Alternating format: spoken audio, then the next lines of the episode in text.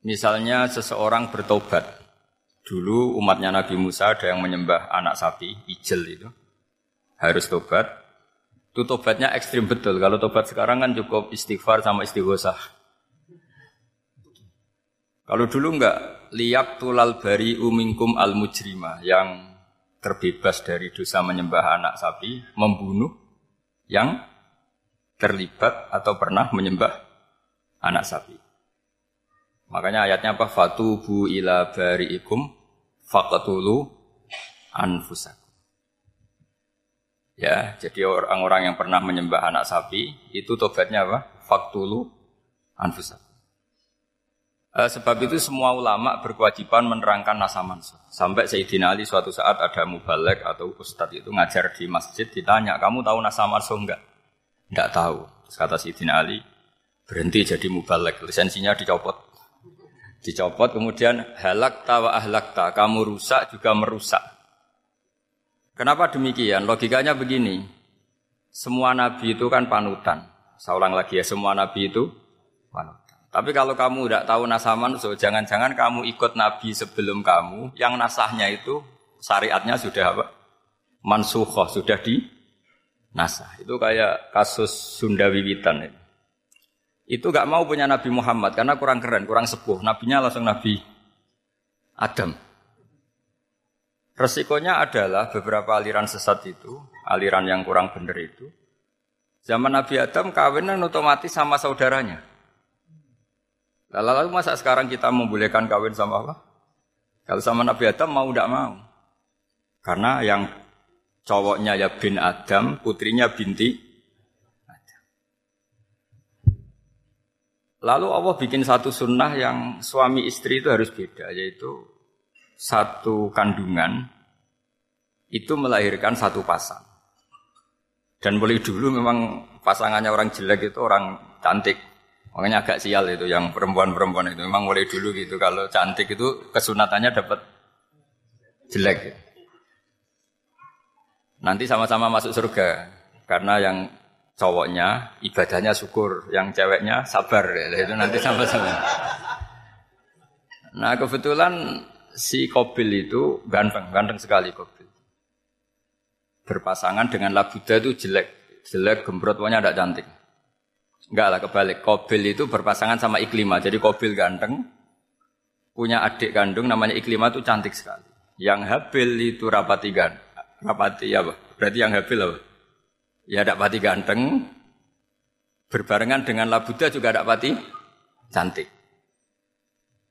Nah karena tadi ya berarti Kobil bareng siapa? Iklima, Habil, Labuda. Maka untuk kawin ini nggak boleh satu kandungan.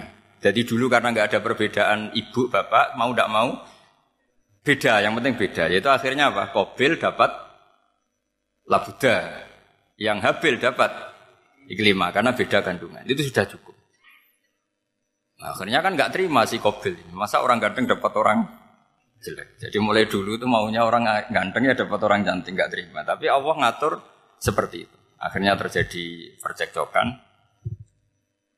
Nah, dulu itu semuanya itu religius sehingga ukuran percekcokannya masih religi yaitu ya gini saja kita ngadakan korban yang diterima itu ya menang. Ya ternyata dalam apa kompetisi itu yang menang siapa? Habil. Akhirnya Habil jadi menegai siapa? Iklim. Kalau sekarang kompetisinya kan siapa paling kaya ya menang. Lebih gampang. Nah kemudian bayangkan misalnya Ya saya ini menerangkan asa mansuh. Anda kita semua sering ngomong, sering berkowar-kowar, sering menyarankan atau mewajibkan para nabi itu panutan dalam semua perilakunya.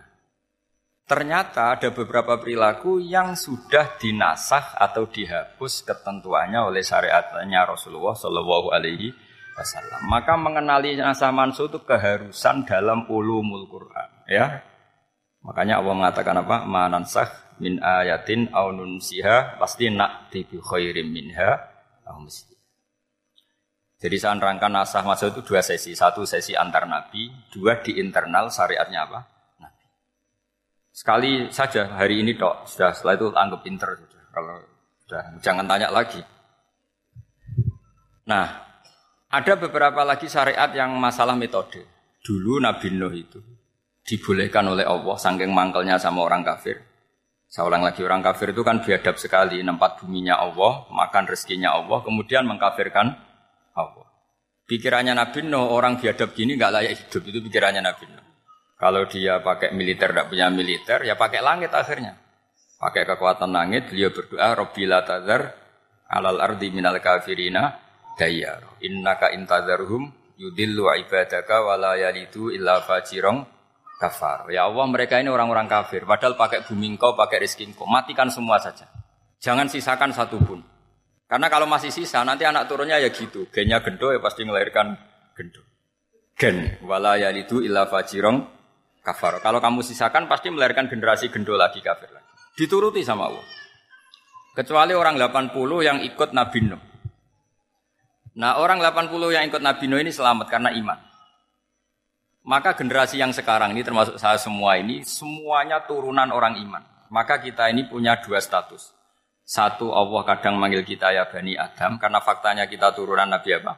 Adam. Panggilan kedua adalah zurriyataman hamalna manu. Orang-orang sekarang itu pasti turunan orang yang ikut perahunya Nabi Nuh. Jadi nasab kita ini sudah steril. Sudah tidak ada nasab lewat kafir karena yang kafir sudah habis. Semua orang sekarang itu turunan Nabi Nuh, yaitu disebut apa? Zurriyataman Hamal Nama. Itu sekitar orang 80. Nah, oleh Allah Subhanahu wa taala syariat seperti ini pernah dituruti, yaitu akhirnya mereka mati semua kecuali orang 80 yang mukmin. Tapi uniknya Allah apa? Era Rasulullah Shallallahu alaihi wasallam Nabi kita Nabi Muhammad itu diutus rahmatan lil alamin. Ketika Nabi didustakan, diusir, disakiti, malaikat gunung, malaikat beberapa malaikat, sing ahli adab spesial eksekutor lah, kira-kira gitu. Muhammad, kamu bilang saja ke saya, kalau kamu ingin orang-orang Mekah Bujal CS, saya hancurkan. Tapi apa kata Nabi? Saya berharap kalau mereka belum iman, anak cucunya iman. Karena bagaimanapun sperma ya atau calon calon bayi atau calon keturunan itu kan ada fi aslabir rijal atau fi zuhuri rijal. Jadi kalau dalam ilmu agama itu eh, gen manusia itu disimpan di apa zuhuri rijal apa di punggung lelaki. Nanti dipindah ke arhamin nisa. Logikanya gini. Ini dengerin ya. Logikanya gini, misalnya Abu Jahal. Abu Jahal itu di situ ada orang namanya Ikrimah. Itu anaknya Abu Jahal. Itu orang mukmin. Akhirnya ya jadi orang alim. Abu Lahab itu di rahimnya di di apa punggungnya ada perempuan namanya Darroh. Akhirnya juga orang apa? Mukminah. Saya berikan contoh. Khalid bin Walid itu anaknya Walid. Walid itu musuh besarnya Rasulullah. Tapi di punggungnya ada orang bernama Khalid. Ini dengerin. Nah di punggung ini kira-kira Allah sudah tahu apa belum? Jawabannya sudah. Artinya kalau ini mati atau kamu bunuh, kamu sebenarnya nggak bunuh orang kafir saja, bunuh calon orang mukmin yang sekarang masih bersemayam di punggungnya orang-orang kafir. Jadi bisa saja orang yang sedang kafir itu ada sekian apa calon generasi yang suatu saat mukmin. Itu syariat yang diajarkan ke Rasulullah Shallallahu Alaihi Wasallam. Karena kasefnya Nabi, kasef itu satu kondisi di mana seorang Nabi itu dipertontonkan sesuatu yang nggak kelihatan. Itu dalam bahasa Arab kasef atau mukasyafa. Nabi dipertontonkan ternyata banyak orang kafir yang di punggungnya itu ada calon generasi mukmin atau muslim. Akhirnya Nabi gak berani. Jangan, jangan bunuh. Mungkin bapaknya ada iman tapi anaknya iman. Betul, Abu Jahal punya anak Ikrimah, Abu Lahab punya anak Darroh, uh, Walid punya anak siapa? Walid. Itu mirip seperti kita. Bapak era sholat, anak ETPK sholat. Akhirnya bapak katut sholat. Banyak nggak di Indonesia, bapaknya tidak bisa baca Quran, anaknya hafid. Itu kalau bapaknya kamu habis, tidak ada yang meselin. Makanya biarkan hidup saja. Nah, artinya gini, andai kan tidak ada ulama yang menerangkan nasa manso, dikira syariat Nabi Nuh itu abadan mu'abadat, selamanya lama. Jika main teror sama orang kafir sah berdasar Nabi No, padahal kita sudah ganti nabi. Yaitu syariatnya Rasulullah Shallallahu Alaihi Wasallam masyur itu ketika Nabi ngedikan Saya tidak minta mereka dihukum, tapi ya Allah saya minta Allah mahdi kaumi fa innahum layak lamun. Mereka kafir itu karena tidak tidak. Sehingga ada periode. Lo kalau perang itu beda. Perang itu konteksnya duel. Itu tidak harus sama Abu Jahal, Abu Lahab. Ada penjahat mau bunuh kamu, kamu wajib perang nggak? Wajib. Penjahatnya meskipun muslim apa harus kafir? Meskipun muslim. Maka kata ulama fikih sebetulnya perang duel itu bukan syariat muslim sama kafir tok. Masih muslim sama muslim misalnya ada orang mau merkosa istri kamu, terus dia pamit gini, "Saya muslim loh, beri hak loh." Enggak bisa. Saya penjahat loh, muslim. Jadi kamu nggak boleh merangin saya, ngelawan saya. Saya kan muslim. Enggak bisa, tetap harus di dilawan. Makanya kata ulama-ulama fikih, pertarungan sama musuh itu tidak harus sama orang kafir. Orang muslim pun yang mengganggu kehormatan kita, misalnya mau merkosa istri Anda, itu harus dilawan. Makanya Nabi ngendikan mangkutilah duna mali bahwa syahid, mangkutilah duna harimi bahwa syahid. Orang yang mati karena membela kehormatan keluarganya atau hartanya, maka dia mati syahid. Dan penjahat yang mati ini muhad darun damu, diabaikan. Sehingga nggak nggak kena kisos, membunuhnya nggak kena. Misalnya ada penjahat mau bunuh kamu, kamu duel, menang kamu nggak kena kisos karena ini muhadarun damu, diabaikan kehur matanya. Padahal dia muslim, apa? Muslim. Ini perlu. Jadi ini mengaji ini agak jelimat, tapi gampang. Kan kan kalau paham nggak paham selesai, jadi yang nggak baca selesai itu. Sehingga kalau nggak ada nasa maka orang selalu berpikir, pokoknya yang ikut Nabi. Nah itu bahayanya kalau anda tidak tahu detail, jangan-jangan syariat yang kamu ikuti itu syariat yang sudah berstatus mansuhoh telah dicabut. Dan itu banyak. Makanya kata Sidina Ali ketika ada orang ngajar gak tahu nasa mansuh halak tawa ahlak tak kamu rusak dan merusak orang. Seperti tadi pernah ada kawin itu satu turunan yaitu era Nabi Adam. Masa kita sekarang kawin sama satu turunan kan gak mungkin. Ya kan pernah ada membumi hanguskan orang kafir yaitu syariatnya Nabi No, itu dihapus oleh syariatnya Nabi Ibrahim dulu. Yaitu Nabi Ibrahim menghentikan apa? Faman tabi'ani fa innahu minni wa man asoni fa innaka ghafurur rahim. Ya, kalau orang ikut saya ya Allah ya pasti golongan saya. Kalau yang masih maksiat, masih balelo, saya berharap engkau ampuni. Akhirnya banyak orang kafir tobat. Coba era Rasulullah itu semua orang kafir Mekah itu kafir. Nabi belum wafat. Itu sudah ada 1004 114 ribu mukmin semua. Jadi Nabi menangi mayoritas orang menjadi mukmin dari mayoritas kafir. Yaitu disebut waro'aitan nasa yadkhuluna fi dinillahi afwaj. Andai kan Nabi Muhammad pakai syariatnya Nabi Nuh, bisa nggak mengislamkan orang sebanyak itu? Nggak bisa kan? Maka ini penting mengenali nasa mansuh. Jadi periode cara wong Jawa maksud no tuntas. Robila tadar itu, pasot tuntas itu menghabisi itu, itu habis di periode Nabi siapa?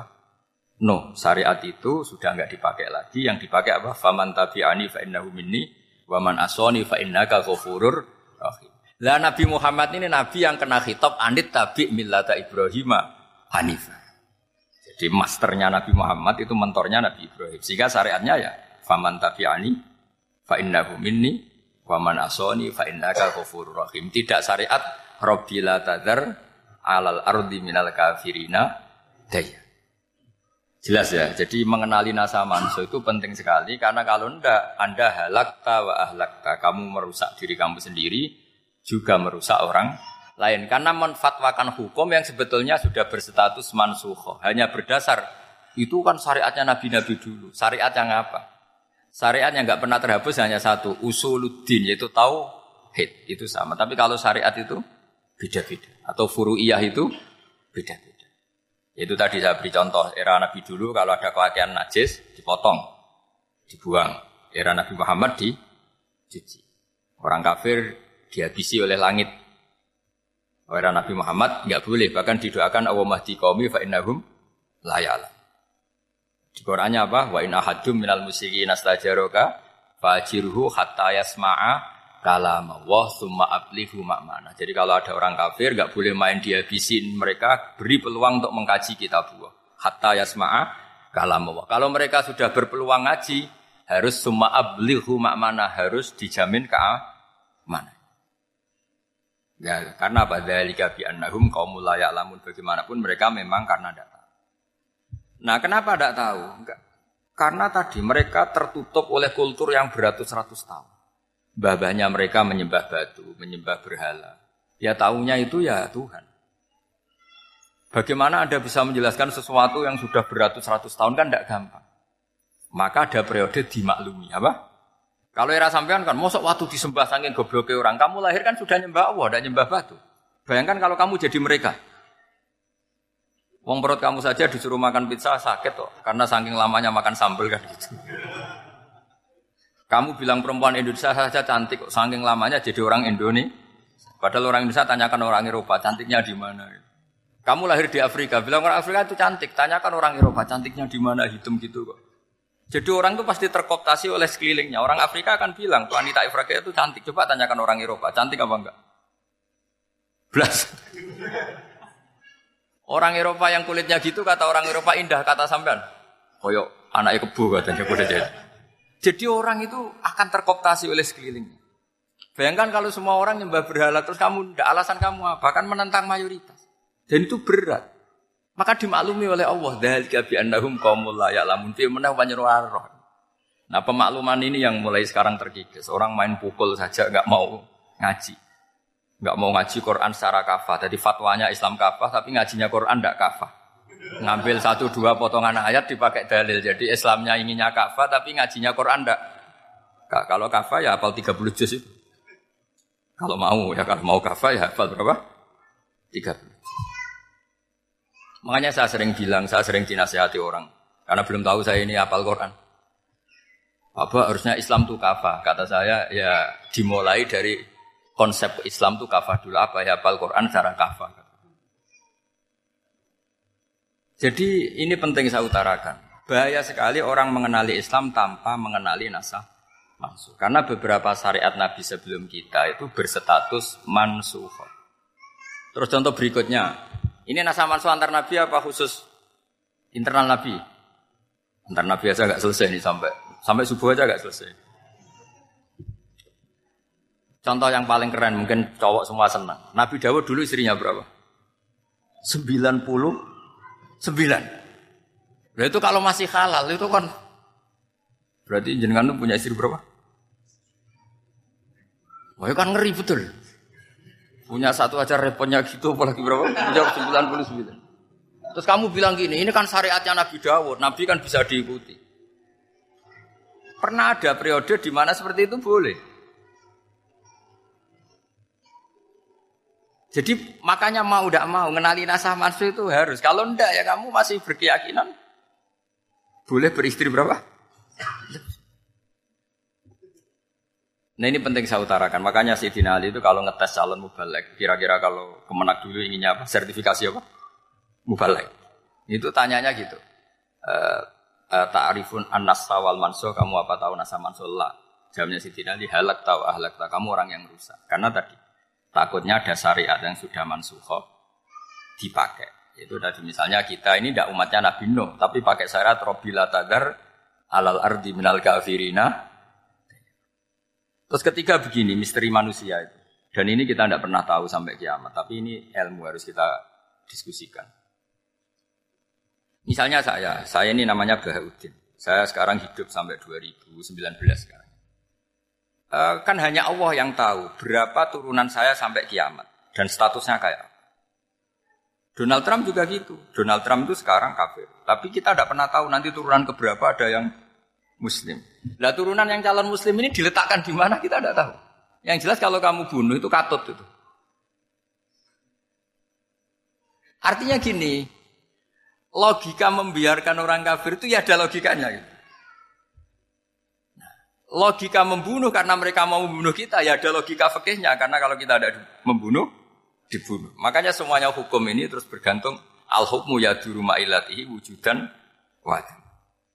Di sini terus dipertemukan. Makanya semua nabi itu kalau yang namanya membunuh pasti pas perang saja karena ini kondisi yang memang pilihannya hanya dua kalau nggak dibunuh ya membunuh. Ada duel lah itu. Maka ini butuh kajian fikih dan orang nggak boleh subjektif dalam hal ini. Saya ulang lagi tidak boleh subjektif karena tadi Orang yang kamu katakan sekarang misalnya Zaid, kamu itu bodoh sekali. Kenapa bodoh? Tidak apal Quran, nggak pernah kuliah, nggak pernah ngaji. Ternyata Zaid ini bersemayam calon anak yang alim alama hafal Quran. Namanya Umar, tapi masih jadi sperma. Suatu saat Zaid itu punya anak alim alama. Kan banyak orang tidak bisa baca Quran punya anak hafid. Banyak nggak di Indonesia? Banyak nggak petani yang punya anak dekan? Petani punya anak dekan. Yang dekan punya anak naik kelas saja susahnya bukan main. Banyak kan? Nah ketika dibalik nanti ada dekan punya anak goblok, yang petani punya anak dekan pinter mana? Kita tidak pernah tahu. Makanya ini kan ya sudah kalau nggak pernah tahu ya bilang saja wawahu alam kan selesai. Daripada keminter keliru kan ada wawahu alam. Makanya cerita favorit guru saya, Kiai Haji Maimun Zubair itu punya apa namanya Kiai Zubair. Itu cerita favoritnya itu ada santri namanya Soleh. Soleh itu alim alam. Orang Madura itu cara berpikir kan kalau kiai saja alim seperti itu apalagi bapaknya. Pas bapaknya main ke pondok, santrinya ada ribuan. Bapaknya main ke pondok itu. Sholat itu ya gak bener. Gak sesuai sunnah Rasul lah kira-kira gitu. Sudah sholat itu gak bener apa-apa gak bener. Masih ditakwil sama santri Madura karena orang Madura itu kultus. Mungkin khilaf. Khilaf itu satu khusus, pokoknya perlakuan khusus. Suatu saat saking bodohnya orang itu kenceng tuh pikir musola. Wah ini nggak bisa ditakwil lagi, artinya nggak bisa ditakwil tuh gak. Wah ini sudah gak, gak bener ini, gak bener. Singkat cerita santri tadi gak kuat matur ke kiainya Pak Yai. Jenengan sealim itu kok bapaknya segoblok itu. Kenapa? Ya, dia kencing pikir musola. Oh bapak saya itu pinter sekali. Kok bisa? Karena beliau yang memutuskan saya mondok sampai saya jadi alim alama seperti ini. Yang bodoh itu mbah saya. bodoh itu bahasa ya kan. Artinya gini, sekarang misalnya Anda dekan, atau Anda rektor, atau Anda profesor, atau Anda kiai top, mubalek kondang. Anda mubalek kondang terus punya anak, gobloknya bukan main. Atau apalagi anaknya ketangkep KPK. Yang satu anaknya orang bodoh jadi dekan. Kalau kompetisi ini pinter mana? Ada ahli metodologi, tapi anaknya itu terlibat narkoba. Yang ini petani utun, Anaknya dekan, kira-kira kalau dikompetisikan pinter mana? Anaknya pinter petani tadi gitu. Yang ketika petani kamu vonis bodoh gitu. Tapi siapa tahu kalau ini menyimpan calon Paham ya? Kita tidak pernah tahu. Makanya Quran selalu ngajari dalam ilmu sosial itu wa in adri la allahu fitnatul lakum wa mata'un ila di dalam ilmu sosial itu kita harus jawab tidak tahu, tidak tahu, tidak tahu. Karena Makanya saya tadi pagi ngaji di direktorat saya bilang, saya pernah diprotes orang, Gus kamu udah jelas, 01 apa 02. Ya saya jawab gitu. Manusia itu makhluk yang paling gak jelas.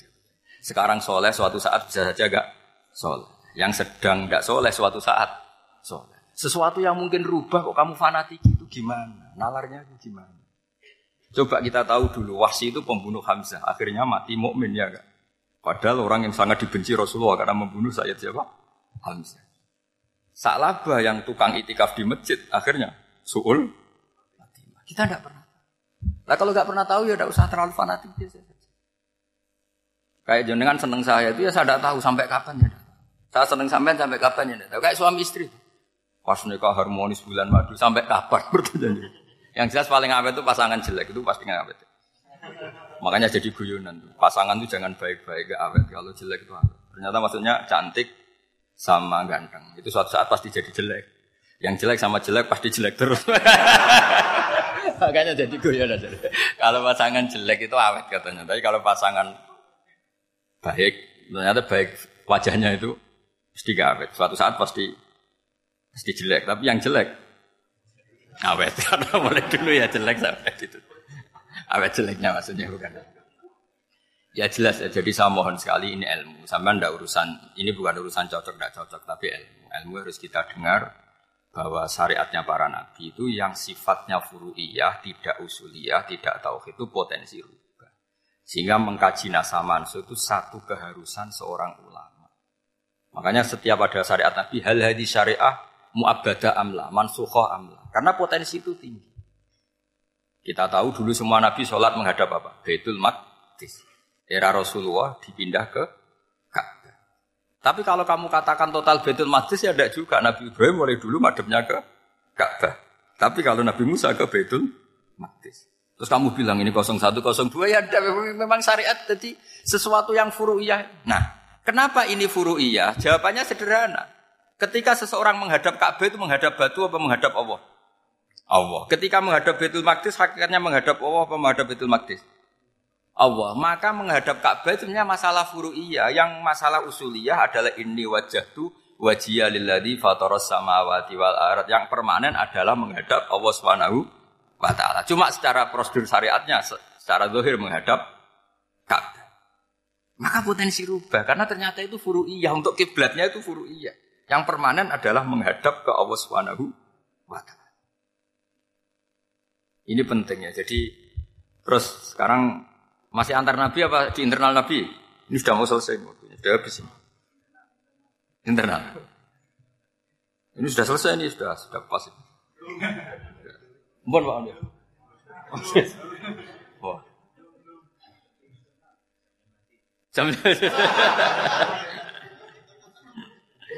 Sudah Sampai mana tadi? Diteruskan apa enggak? Sudah ya, sudah kayaknya sudah. Biar kelihatan cerdas terus. Sekali pertemuan sudah pinter gitu. Berapa? Setengah jam sudah sudah pinter. Gitu. Yang internal Nabi apa antar Nabi?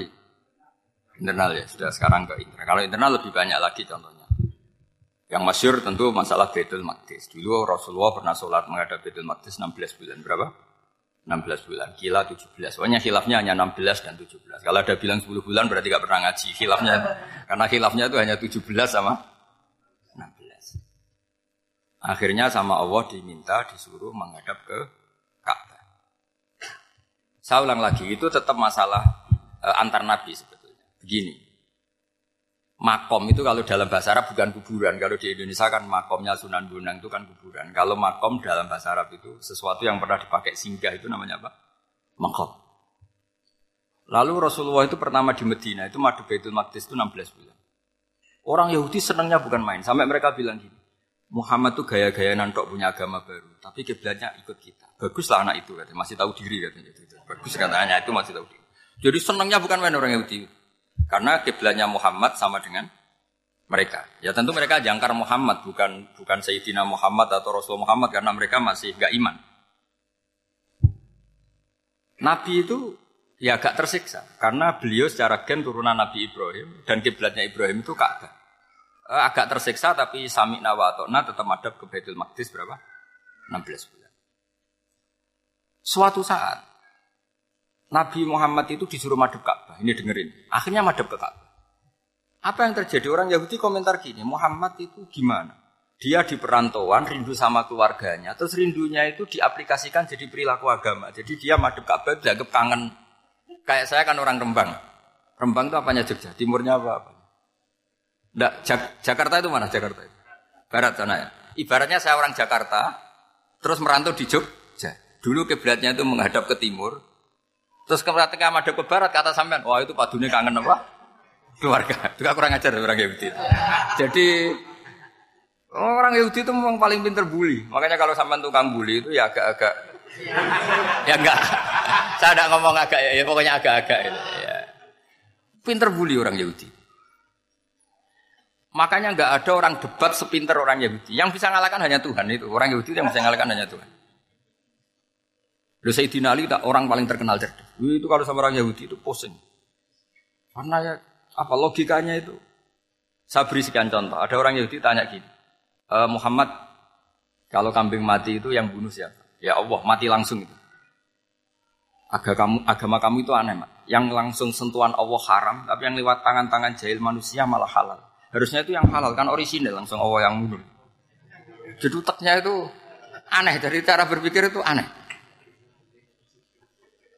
Nah cara sampean niwan, eh, nak halal pangan kue. Tapi Nabi kan nggak boleh bertutur kata kasar gitu. Kalau yang jadi Nabi saya untalan ngono kan gitu. Tapi Nabi kan nggak boleh kasar. Jadi Nabi itu problem karena nggak boleh apa? Kasar. Kalau kita kan gampang, ya nak halal untalan kan selesai apa? Tapi Nabi nggak boleh kasar gitu. Jadi nak jadi nggak Nabi, gak sampean itu kan enak. Mau keliru ya pantas, mau apa saja pantas. Karena kan nggak panutan. Kalau Nabi nggak bisa. meluruskan kebenaran itu harus tetap sesuai akhlak. Ya jadi agak kerepotan. Makanya punya Umar alhamdulillah ada yang yang nggak perlu aturan itu. Jadi, jadi, jadi, jadi enak. Jadi ya itu memang memang aturannya harus itu. Coba Nabi itu perang tapi nggak boleh bunuh. Kayak apa susahnya? Beliau jadi sasaran tembak tapi nggak boleh bunuh. Kalau sahabat kan enak, duel, relax, santai, bisa tarung. Kalau Nabi nggak boleh. Makanya Nabi meskipun ikut perang terus gak ada sejarah orang yang dibunuh. Ya, hanya satu peristiwa itu pun dibaca orang kafir, ditangkis Nabi, pedangnya kembali ke dia mati. Tapi gak ada yang Nabi. Karena Nabi kalau pembunuh nanti itu terus kayak pendekar kan kan susah juga punya Nabi kok. Habis perang misalnya Nabi tanya, Muhammad habis orang berapa? Seribu. ya repot juga punya Nabi mantan apa? Pembunuh meskipun yang dibunuh orang kafir tapi kan kayak apa ya? Fitrah manusia itu akan menolak kepemimpinan orang yang yang gitulah pokoknya nggak bisa diterangkan itu. Makanya Nabi itu nggak pernah bunuh, meskipun kayak apa musuhnya, tapi nggak pernah bunuh. Untungnya di sekeliling orang-orang yang tadi. Jangan bilang itu suka bunuh ya, pokoknya perang gitu ya. Perang dengan bunuh itu beda loh. Ya. Kalau perang itu fair apa? Sampai mana tadi? Nabi Ibrahim ya. Makom tadi saya ulang lagi. Nabi Muhammad menghadap ke Baitul Maqdis itu hanya Allah nuruti. Ini loh Nabi betul tahu betul bahwa di antara syariat adalah Baitul Maqdis karena semua nabi pernah berkiblat Baitul Maqdis. Tapi nabi ketika menghadap ke Ka'bah, nabi juga dibilangin sama Allah. Ini loh syariat yang benar karena Ka'bah juga kiblat sing aktaku, lebih tua ketimbang Baitul Maqdis. Maka disebut Ka'bah Atiko. Ilal ilal Baitil Atik. Kalau Quran bahasakan Ka'bah apa? Wal yatawafu bil Baitil Atik. Atik itu tua sekali. Ya, sudah. Ketika berstatus tua itu orang Yahudi seneng, mergo roh kelirune Muhammad. Mereka nantang, Muhammad ayo debat terbuka. Nabi rawuh. Bagaimana Anda bilang Ka'bah itu kiblat tertua? Wong Ka'bah itu pertama yang menghadap sana itu ya kamu. Semua nabi menghadapnya ke Baitul Maqdis. Terus Nabi Muhammad mulai berargumentasi ilmiah tadi. Enggak, Ka'bah itu kiblatnya Ibrahim. Jadi Ibrahim dulu itu yang mulai dulu kiblatnya itu di Terus orang itu tanya, buktinya apa? Terus dijawab, fihi ayatum bayinatum maqam Ibrahim. Ternyata di, di situ ada jejak kakinya Nabi Ibrahim, yaitu batu yang diinjak beliau ketika bangun Itu argumentasi ilmiah. Lah barang orang Yahudi kehilangan ilmu itu gobloknya orang Yahudi. Makanya yang bisa ngalahkan Yahudi hanya Allah Subhanahu wa taala. Luang Ibrahim saja golongan kita, pengikut kita. Ibrahim itu pengikut Yahudi. Wah itu Nabi mulai senyum-senyum, mulai tertawa-tawa. Wih, goblok orang terdidik. Karena itu ibaratnya kayak kamu bilang Soekarno itu pengagum Puan Maharani. Kira-kira seperti itu. Soekarno itu pengikut Puan karena Yahuda itu Yahuda bin Yakub bin Ishak bin Ibrahim. Saya ulang lagi ya, nasabnya Yahudi ya, Yahuda bin Yakub bin Ishak bin Ibrahim. Jadi Ibrahim itu mbah keempat dari Yahuda.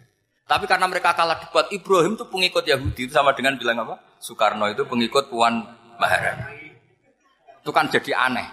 Atau Gus Dur pengikut Mbak Yeni atau Basim, Basim Masari pengikut Mbak Yeni itu kan aneh. Akhirnya sama sama Allah diingatkan. Makanya ada ayat ha antum ha ula hajatum fi malakum bi ilm falimatu hajuna fi ma lakum bi ilm. Perjanjian debat ini semuanya harus ilmiah. Tapi kenapa perdebatan Anda malah tidak il, tidak ilmiah? Karena orang Yahudi iftadohu malu semua. Wah semuanya Muhammad itu satu-satunya kekalahan orang Yahudi. Tapi ayat-ayat seperti ini itu gak populer. Ayat ha antum ha ulai hajastum fi malakum bi ilm falimatu hajuna fi malakum bi jadi Islam betapa hebatnya Islam. Kalau debat harus ilmiah. Dan kajian Nabi menantang, ini perjanjian kita debat ini ilmiah. Kenapa sekarang jadi tidak ilmiah? Yaitu kamu mengatakan Ibrahim itu pengikut Yahudi. Padahal Ibrahim dengan Yahudi itu dulu Ibrahim. Makanya ya mat kalah mat, tapi tetap ra Islam. Tapi Nah, makanya terus Ka'bah dibuktikan ketuaannya lewat apa? Fihi ayatum bayinatum maqamu Ibrahim. Itu bukan makom kuburan. Karena makamnya Nabi Ibrahim tetap Hebron, di Palis, Palestina. Kira-kira itu Palestina. Jadi Israel jangan Israel, boleh menang di. Jadi Israel jangan Israel, jadi Palestina nih. Saya pernah ziarah ke sana di Hebron. Di makamnya Nabi siapa? Ibrahim. Jadi jelas ya. Jadi nasa manso itu ketentuan yang dikehendaki Allah Subhanahu wa taala untuk menguji loyalitas manusia menanggalkan semua akalnya.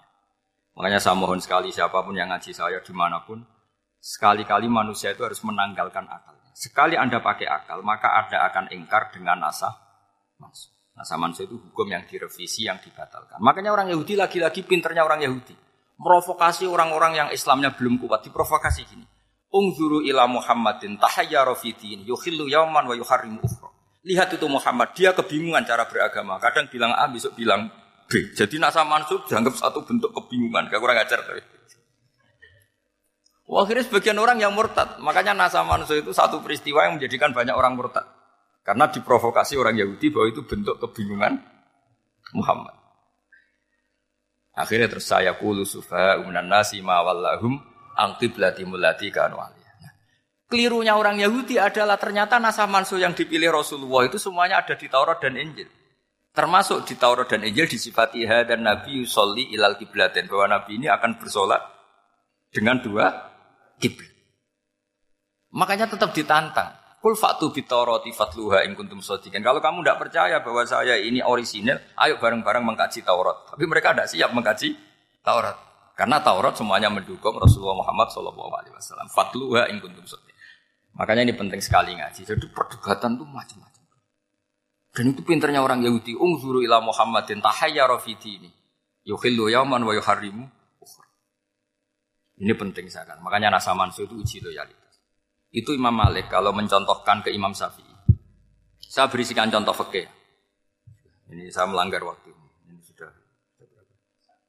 Saya, saya, saya yang tidak mengesahkan diri saya. Ya misalnya ini ya, ini kertas saya bawa ya, ini kertas saya bawa. Terus ini tak kasih uang misalnya, uang seratus ribu. Atau kalau contoh Imam Syafi'i dulu dididik Imam Malik begini. Ya Syafi'i kalau kamu punya dua budak, dua pembantu, kalau dulu kan masih ada budak, eh, dua pembantu lah kira-kira. Seneng mana, yang cerdas sama yang goblok? Eh, seneng yang cerdas.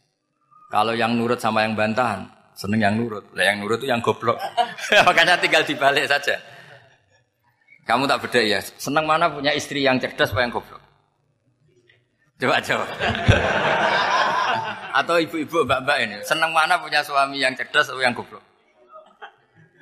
Kalau cerdas gak bisa diakali. Tapi goblok. Nurut tapi ya kadang di sini-sini kan dengan sini. Nah, itu kan antar manusia. Masalahnya kita menghadapi Allah Subhanahu wa taala yang semua kita pasti bodoh. Kita menghadapi Allah Subhanahu wa taala yang semuanya kita pasti bodoh. Allah jelas ngendikan wa kanal insanu dzaluman. Jauhlah manusia itu banyak dolimnya. Dolim itu sifat mubalaghah. Kalau orang dolim sekali dolim, kalau sering Zalum. Kalau jahil biasa jahil, kalau banget jahili jahul. Bahasa Arab kan gitu memang. Ghafir, pengampun biasa. Kalau ghafur selalu mengampuni. Syakir. Makanya sifatnya Allah Ta'ala ikut, ikut wazan fa'ul semua. Ghafur, syakur. Atau diikutkan wazan fa'al. Kalau goblok biasa jahil, goblok banget jahal kan itu. Kafir biasa kafir. Kalau kafir banget kafar.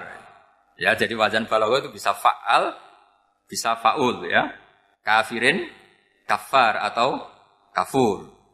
Paham ya? Malah kok malah ngaji nahwu. Ya tapi ini memang perangkatnya ya. Ini kan perang mau tidak mau, mau tidak mau. Makanya misalnya Allah tidak suka kulla kafarin banget kafir ya, Pak. Paham ya? Kulla khawanin banget khianati. Kalau khain khianat biasa, kalau khawan sering khianat. Nah manusia itu kata Allah apa? Doluman, wis banget dolimi, banget bodoh. Itu kalau yang ngarang hikam mencontohkan tuh gini, manusia itu pas bener saja salah, apalagi pas salah. Jadi manusia itu kata Imam yang ngarang hikam itu man itu kanat mahasinhu masawiyah fakih fala takunu masawihi masawiyah. Ketika baik saja buruk, apalagi ketika buruk. Coba kalau ada orang dermawan sama teman-temannya, tanyakan istrinya. Duit dihambur-hambur, no konco ngalono bojo. Ya, mesti gitu. Teman yang sering silaturahim ke teman-temannya, Kata temannya baik, senang silaturahim. Tanyakan istrinya, oh meninggali wong. Jadi manusia pas baik saja ada buruknya. Apalagi pas pas buruk. Makanya dulu bapak saya ngajarin saya, istiqomah ya apik ya. Tapi kadang-kadang nak keterusan itu istiqomah ngangkangi. Orang itu tidak punya kesempatan. Misalnya ada imam masjid, imami terus sampai tua sampai mau mati. Itu istiqomah apa tidak memberi peluang yang lain? Tidak jawab. Jadi itu manusia. Jadi pas baik saja buruk. Apalagi pas buruk. Kayak saya gini di sini ngajar baik, tapi saya ada tidak sopannya harus di atas. Padahal banyak orang sepuh ada Pak On, ada beberapa yang kan terpaksa nggak sopan. Tapi sama yang nyuruh, berarti sama yang dosa. Om kemarin-kemarin saya minta di bawah supaya ganjaran saya utuh. Ini gara-gara begini ganjaran saya ini agak terkredit apa? Debit ya terdebit itu. Terdebat itu karena karena itu. Saya teruskan. Jadi manusia itu punya sisi itu. Karena manusia itu dolum dan apa? Jauh bahkan al insanu doluman problemnya ini ngadepi Allah yang selalu pinter yang kita selalu boh misalnya gini kamu ditanya Allah ini contohnya Imam Malik ikla hadi sohroh fa inna tahtaha dhahaban. Nah, coba apa bongkahan batu itu kamu angkat di bawahnya ada emas. Lalu budak yang pinter berlogika, oh disuruh buka itu karena ada emas toh. Berlogika. Kalau budak yang goblok enggak, ya disuruh ya diangkat saja. Ada emas apa enggak karena perintah ya diangkat. Yang satu nurut karena perintah, yang satu nurut karena ada emas, ada sesuatu. Logikanya suatu saat Tuhan tuh hanya bilang gini dok, iklak hadis sokro. Batu itu angkat. Yang nurut, yang bang, yang goblok permanen tadi. kan langsung ngangkat. Yang pinter, ini ada apa lagi Gusti kok harus diangkat? Ya gak ada apa-apa, nyuruh saja kata Allah gitu. Oh ada bisa, sesuatu harus ada alasannya. Itu kira-kira mangkel loh gak? Oh mangkel. Nah, Logikanya manusia seperti itu. Makanya dua murid pinter, di rakyat pinter, presiden ya susah mesti demo. Goblok ya susah di sini-sini uang. Ini kan nggak ada pilihan. Memang manusia itu nggak ada pilihan. Nah sekarang masalahnya gini di fikih ini saya kembali lagi ke fikih. Pertanyaannya secara fikih begini. Misalnya iddah. Iddah itu seorang perempuan ditinggal mati suaminya atau ditinggal atau cerai. Itu kan ada namanya apa? Iddah. Iddah itu memastikan apa tujuannya? Memastikan rahim itu steril dari mani atau sperma zaut awal supaya nanti kalau dinikah orang lain tidak terjadi ikhtilatul an ansab nasab. Oke, berarti idah kita beri argumentasi secara ilmiah li baro rohmi. Jadi misalnya Zaid menceraikan istrinya Sri, Sri dalam keadaan masih bisa khed. Idahnya tiga kali masa su, suci. Wal mutallaqatu ya tarobbas nabi anfusina salah satu guru. Lalu karena secara teori medis kalau head berarti bukti tidak hamil. Apalagi kalau headnya terulang-ulang sampai tiga kali pasti tidak hamil. Jika kalau nanti dinikahi orang lain, pasti kalau ada anak, ya anaknya zaut sani atau zaut kedua. kedua. Berarti alasan idah libaro atir rohmi. Oke, kita sok pinter, sok bijak. Pertanyaannya adalah, sekarang sudah baru satu bulan, suaminya di Malaysia, nggak pernah ngumpuli. Dicek di medis juga berbukti tidak hamil. Apakah boleh tanpa idah? Semua ulama mengatakan tidak boleh. Tapi ini kan rahimnya jelas bersih. Ya karena iddah itu nuruti perintah pangeran, pokoknya tetap iddah. Tiga kali masa suci, tiga kali masa suci atau masa head, itu ada perdebatan ulama. Tapi kan ini terbukti bersih Gus. Meskipun terbukti bersih, kata Allah harus iddah tiga bulan atau berapa? Kira-kira tiga bulan, empat bulan ya tetap harus iddah. Kue milih mana? Sok pinter, Gusti. Berhubung ini, pangeran buat terang gitu. Berhubung. Jadi Tuhan apa bawa Berhubung Gusti ini jelas steril dari sperma zaut awal. Enggak usah idah Gusti. Sama aja kamu disuruh majikan kamu ikhlas hadi sahro berhubung nggak ada apa-apa, enggak usah ya. Kira-kira mangkel nonda budak yang seperti itu. Mangkel. Maka dibutuhkan kebodohan dalam beragama. Betul itu memang. Makanya Nabi itu unik. Pernah bilang itu gini. Aksaru ahli jannah al bulu. Aki-aki penduduk suarga itu al bulu. Wong goblok-goblok. Maksudnya goblok yang jenis ini. Bukan goblok betulan. Maksudnya. Maksudnya goblok jenis ini itu ya tetap pinter. Tapi pinternya dibuang pura-pura goblok demi samina. Nah, jadi saya misalnya kok pinter, pinter dan goblok tadi sekaligus, pinter dan goblok. Ya bah ikhlas hadi sohro fa inna tahta hadapan. Tak angkat karena saya tahu di bawah ada emas. Tapi di hati saya sajane ya mergo perintah. Suatu saat kalau disuruh Allah ikhlas hadi sohro perintah ya tak angkat ya sudah. Jadi ya pinter ya goblok. Saya tahu namanya perintahnya Allah pasti ada hikmahnya. Hikmahnya itu adalah libaro atir rohmi. Tapi hikmahnya jadi kawulo adalah nurut perintah Allah, cek tahu alasannya maupun ti, tidak. Lah di sini ada illatul hukmi untuk membangun kecerdasan, tapi ada loyalitas untuk membangun ubudi. Ya, bahwa kita ini kawul roh roh tetap lo loyal. Makanya tadi pagi saya cerita Sayyidina Umar. Sayyidina Umar kayak apa cerdasnya? Tapi tetap ubudi ya. Yaitu Rasulullah SAW sering dibully orang kafir. Muhammad tuh gaya-gaya nantok. Wong ora oleh nyembah berhala, ora oleh nyembah watu, nyembah watu. Jebule ini nyembah Hajar Aswad. Karena dilihat dari jauh kan tetap nyium Hajar Aswad. Coba kalau kamu lihat dari jauh, kamu sud dari jauh kan kayak sujud sama batu. Makanya Sayyidina Umar karena orang kafir masih cara berpikir gitu, tiap nyium Hajar Aswad itu komentar gedumel. Alim tu annaka hajarun la tadurru wa la tanfa. Walau la anni ra'aitu Rasulullah qabbalaka ma qabbal. Bukan. Aku ronak ke watu, ya raman doroti, raman fati. Kalau saja saya tidak melihat Nabi nyium kamu, saya tidak sudi nyium kamu. Jadi tidak berdoa doa mustajab itu tidak berutuh. Karena apa? Umar tahu ini masalah secara tauhid. Kalau saya doa di depan hajar aswad nanti dikira sirik karena berdoa di depan batu.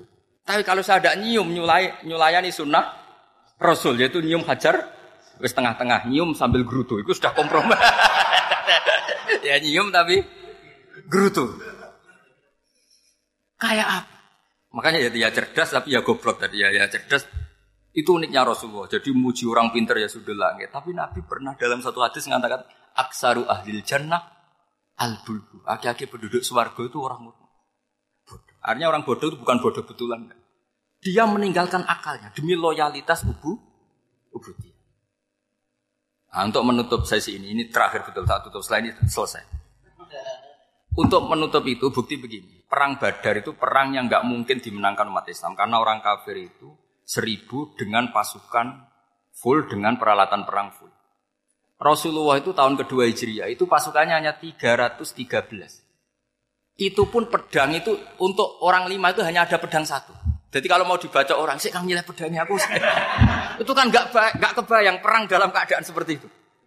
Jadi mesti kalah orang kok mungkin kalah mesti tapi Nabi tetap bilang, saya ini disuruh Allah perang, ya harus berangkat. Yaitu perang Badar. Kata para sahabat, ya Rasulullah ini gak masuk akal. Sudah gak usah perang, ini gak masuk akal. Mau nyawa. Sudah gitu dadaan, gak ada persiapan. Lucunya apa? Sahabat itu ketika Nabi, Nabi tetap berangkat. La akhrujan walau wakti. Nabi menginginkan saya tetap berangkat meskipun sendi, sendiri. Setelah Nabi berangkat sekian meter, tuh sahabat ikut semua. Kata Nabi, lah kamu kok ikut? Ya ikut saja. Kata kamu mesti kalah. Ya anggap saja setor nyawa. Demi loyalitas pada jenengan. Itu makanya nggak ada periode sebaik periode sahabat. Tapi yang gerutunya jalan. Karena gerutu ini bawaan ilmiah. Makanya kita loyal sama presiden. Tapi yang nggak cocok ya gerutunya jalan. Tapi bawaan mencintai Indonesia tetap jaga stabilitas. Itu bawaan cinta Indonesia, bukan cinta pejabatnya kadang. Gerutunya jalan, tapi bawaan loyal sama Indonesia tetap mengaku mengaku. Bawaan loyal sama Rasulullah tetap ikut perang, bawaan akal karena nggak masuk akal ya gerutu. Dan itu uniknya Quran itu mengapresiasi itu dan dianggap nggak masalah. Saya bacakan ayatnya. Kama akhrajaka rabbuka min baitika bil haqq wa inna fariqam minal mu'minina lakarihun yujadilunaka fil haqqi ba'dama tabayyana ka'annama yusaquna ilal mauti wa hum Peristiwa Badar ada peristiwa kamu itu keluar untuk perang. Sahabat kamu ngikuti, tapi mereka lakarihun, nggak seneng sebetulnya. Karena nggak masuk akal. Ya geremeng tapi ya derek. Yujadilu nakaflah. Mereka mendebat kamu dalam kebenaran. Jadi ya, ya Rasulullah wong perang karuan kalah jenengan lakoni alasannya nopo. Lah kok melok? Ya saya harus ikut jenengan jenengan Nabi. itu unik. Kalau orang sekarang mana mau kalau nggak masuk akal nggak mau melakukan. Coba misalnya istri kamu belajarnya dikurangi. Anggap saja petualangan latihan hidup di masa lalu. Gak mau. Padahal petualangan itu hal yang indah. Petualangan itu kan hal yang indah. Kan gak mau. Oh ngirit ayo alasan. Tapi lucunya kalau dijak camping bermiskin-miskin di hutan mau. Karena karena PDW. Tapi nak suami yang ngongkon. Ayolah seminggu ini kita model miskin. Anggap saja petualangan masa lalu. Gak mau. Karena pinter. Apa? Coba kalau bodoh. Ya ngono ya apa-apa Mas. Tapi resiko nak bodoh pas kamu sakit ya dibiarin. Karena dia melihat sakit kan biasa, namanya manusia. Jadi Makanya ini pilihannya susah hidup itu masih susah makanya ini. Jadi uniknya Quran gitu. Quran itu membolehkan psikologi manusia. Makanya Allah ngendikan kutiba alikumul qital wa huwa kurhul. Ya saya tahu kamu tidak suka perang. Allah yang akui bahwa kurhul enggak apa-apa. Tapi ketidakserangan kita harus dilawan demi mengikuti Allah dan misalnya perempuan Allah juga gitu wa ashiruhunna bil ma'ruf. Gauli istri kamu muamalah secara baik. Kata Allah fa in karihtumuhunna fasa antakrohu syai'a wa fi khairam kasih. Mungkin ada watak yang kamu tidak suka, tapi di situ ada kebaikan. Allah ngaku yang namanya suami mesti ada watak yang nggak suka dari istri. Juga sebaliknya lebih banyak lagi yang suami istri kamu tidak suka watak kamu. Juga nggak suka hidung kamu, wajah kamu banyak lah yang nggak disuka. tapi demi kestabilan negara suami istri ini, mereka lo loyal justru itu bagus. Maka jagalah ilmu juga jagalah loyalitas. Itu yang perlu saya utarakan. Jadi makanya agama ini dibangun dua. Satu kecerdasan hikmah yaitu ya al hukmu ya duru ma'ilati wujudan wa adaman. Tapi juga ada ubudiyah bahwa agama ini milik Allah maka sami'na wa Karena begini logikanya saya ulang lagi masalah batu. Ikhla hadis sokhro fa inna tahta adaban. Terus saya angkat. Pembantu saya ngangkat. Dia saya gaji atas nama apa? Nurut kan? Atas nama menemukan emas apa atas nama nurut? Nurut karena emas itu juga penemuan saya milik saya. Ngangkat batu yang nggak ada emasnya juga atas nama nurut. Jadi rapot yang saya berikan ke pembantu saya, saya itu tentang nurut dan tidak nurut. Saya kan tidak peduli dengan cerdas dan tidak cerdas. Itu kan tidak sesuatu yang menguntungkan saya. Nah Allah juga gitu. Kecerdasan kamu, pinter kamu itu tidak menguntungkan Allah subhanahu wa ta'ala. Karena Allah itu tidak butuh pinter kamu, cerdas kamu. Allah hanya butuh mental ubudiyah kamu. Makanya Allah mensifati nabinya hanya subhanalladzi asro bi abdihi. Karena status tertinggi manusia adalah sifat keham Nah, makanya ya aja Tuhan nafsul mut mainna irji'i ila rabbiki radiyatam mardiyah fadkhuli fi ibadi berstatuslah sebagai hamba baru wadkhuli Nah kalau kamu berstatus hamba ya harus baik, gak usah kalian bantah. Coba kalau kamu rasional, ya Allah kenapa bikin surga nanti-nanti? Engkau kan bikin bikin sekarang, ngapain repot-repot nanti? Jadi kacau semua agama. Makanya yang perlu didahulukan adalah status fat apa ya ya Tuhan nafsul mutmainnah irji'i ila rabbiki radiyatan mardiyah fadkhuli fi ibadi. Masuklah berstatus sebagai hamba saya. Khasnya hamba tadi ya cerdas karena semua yang diperintahkan Allah pasti ada hikmahnya. Tapi kecerdasan ini kadang kita tinggalkan demi loyalitas ubu. Assalamualaikum warahmatullahi